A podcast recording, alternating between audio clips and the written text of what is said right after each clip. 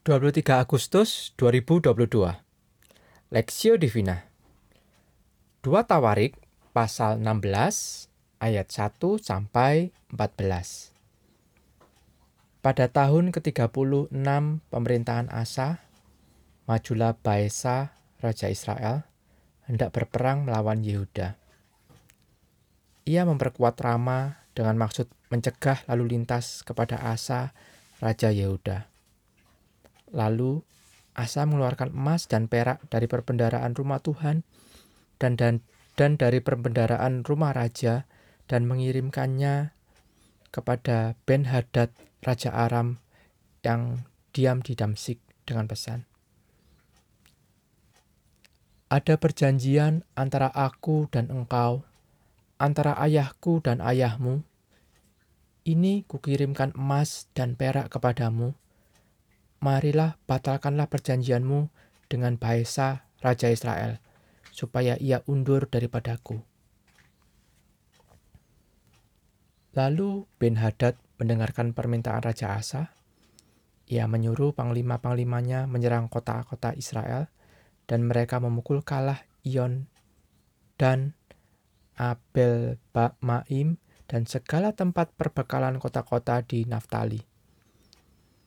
Segera sesudah Baesa mendengar hal itu, ia berhenti memperkuat Rama. Ia menghentikan usahanya itu. Tetapi Raja Asa mengerahkan segenap orang Yehuda dan harus mengangkat batu dan kayu yang dipergunakan Baesa untuk memperkuat Rama itu. Ia mempergunakannya untuk memperkuat Geba dan Mispa. Pada waktu itu datanglah Hanani pelihat itu kepada Asa Raja Yehuda katanya kepadanya, Karena engkau bersandar kepada Raja Aram dan tidak bersandar kepada Tuhan Allahmu, oleh karena itu terluputlah tentara Raja Aram dari tanganmu. Bukankah tentara orang Ethiopia dan Libya besar jumlahnya? Kereta dan orang berkudanya sangat banyak. Namun Tuhan telah menyerahkan mereka ke dalam tanganmu karena engkau bersandar kepadanya. Karena mata Tuhan menjelajah seluruh bumi untuk melimpahkan kekuatannya kepada mereka yang bersungguh hati terhadap dia.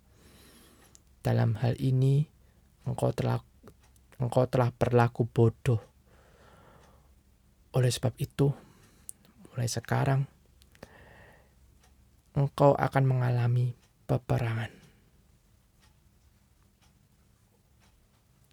Maka sakit hatilah Asa karena perkataan pelihat itu, sehingga ia memasukkannya ke dalam penjara, sebab memang ia sangat marah terhadap dia karena perkara itu. Pada waktu itu Asa menganiaya juga beberapa orang dari rakyat. Sesungguhnya riwayat Asa dari awal sampai akhir tertulis dalam kitab Raja-Raja Yehuda dan Israel. Pada waktu pada tahun ke-39 pemerintahannya, Asa menderita pada kakinya dan ke, yang kemudian menjadi semakin parah. Namun dalam kesakitannya ia tidak mencari pertolongan Tuhan, tetapi pertolongan tabib-tabib. Kemudian Asa mendapat perhentian bersama-sama nenek moyangnya ia mati pada tahun ke-41 pemerintahannya.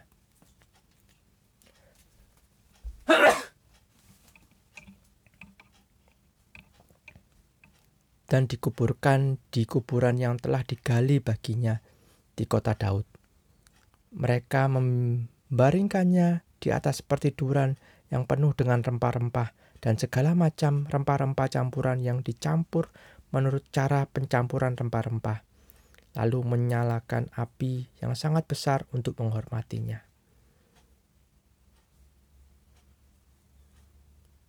Mata Tuhan menjelajah seluruh bumi. Perspektif. Karena mata Tuhan menjelajah seluruh bumi untuk melimpahkan kekuatannya kepada mereka yang bersungguh hati terhadap dia. 2 Tawarik pasal 16 ayat 9a.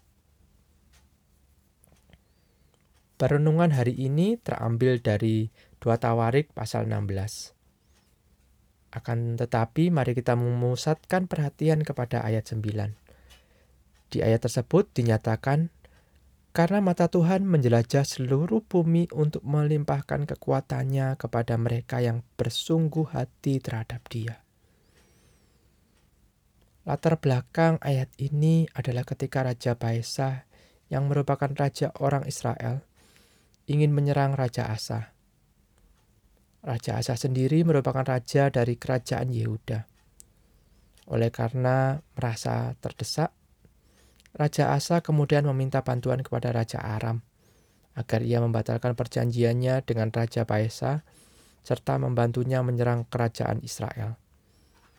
Hal tersebut merupakan sebuah kesalahan besar yang dilakukan oleh Raja Asa. Raja Asa ternyata memilih untuk lebih mengandalkan manusia daripada mengandalkan manusia dan tidak mengandalkan Tuhan. Oleh karena itu, Tuhan kemudian memerintahkan Hanani untuk memberitahukan kepada Raja Asa bahwa ia akan mengalami peperangan. Dalam kehidupan kita, harus diakui bahwa ada waktunya pergumulan yang berat datang dan mengganggu keadaan kita sebagai manusia yang penuh dengan keterbatasan, kerap kali pergumulan itu bahkan membuat kita tidak berdaya. Namun, firman Tuhan hari ini mengajarkan kita untuk tetap mengandalkan Tuhan. Mengapa mengandalkan Tuhan? Sebab hanya Tuhanlah yang mampu memberi ber, memberi jalan keluar. Bukan hanya itu saja, hanya Tuhan yang mampu memberikan kita kekuatan untuk menghadapi pergumulan tersebut. Kita harus meyakini dengan iman bahwa Tuhan kita tidak pernah tertidur. Tuhan selalu berada di samping kita selama-lamanya. Selain itu, Tuhan juga mengetahui setiap pergumulan dan persoalan yang sedang kita hadapi. Dengan demikian, jangan sampai kita bertindak gegabah seperti Raja Asa yang lebih memilih untuk mengandalkan kekuatan manusia daripada kekuatan Tuhan yang tak terbatas. Izinkan saya mengajak saudara sekalian untuk tetap semangat dalam menjalani kehidupan ini percayalah bahwa hanya Tuhan saja sanggup untuk melakukan segala sesuatu bagi anak-anaknya. Studi pribadi, apakah kita masih tetap mengandalkan Tuhan sampai hari ini?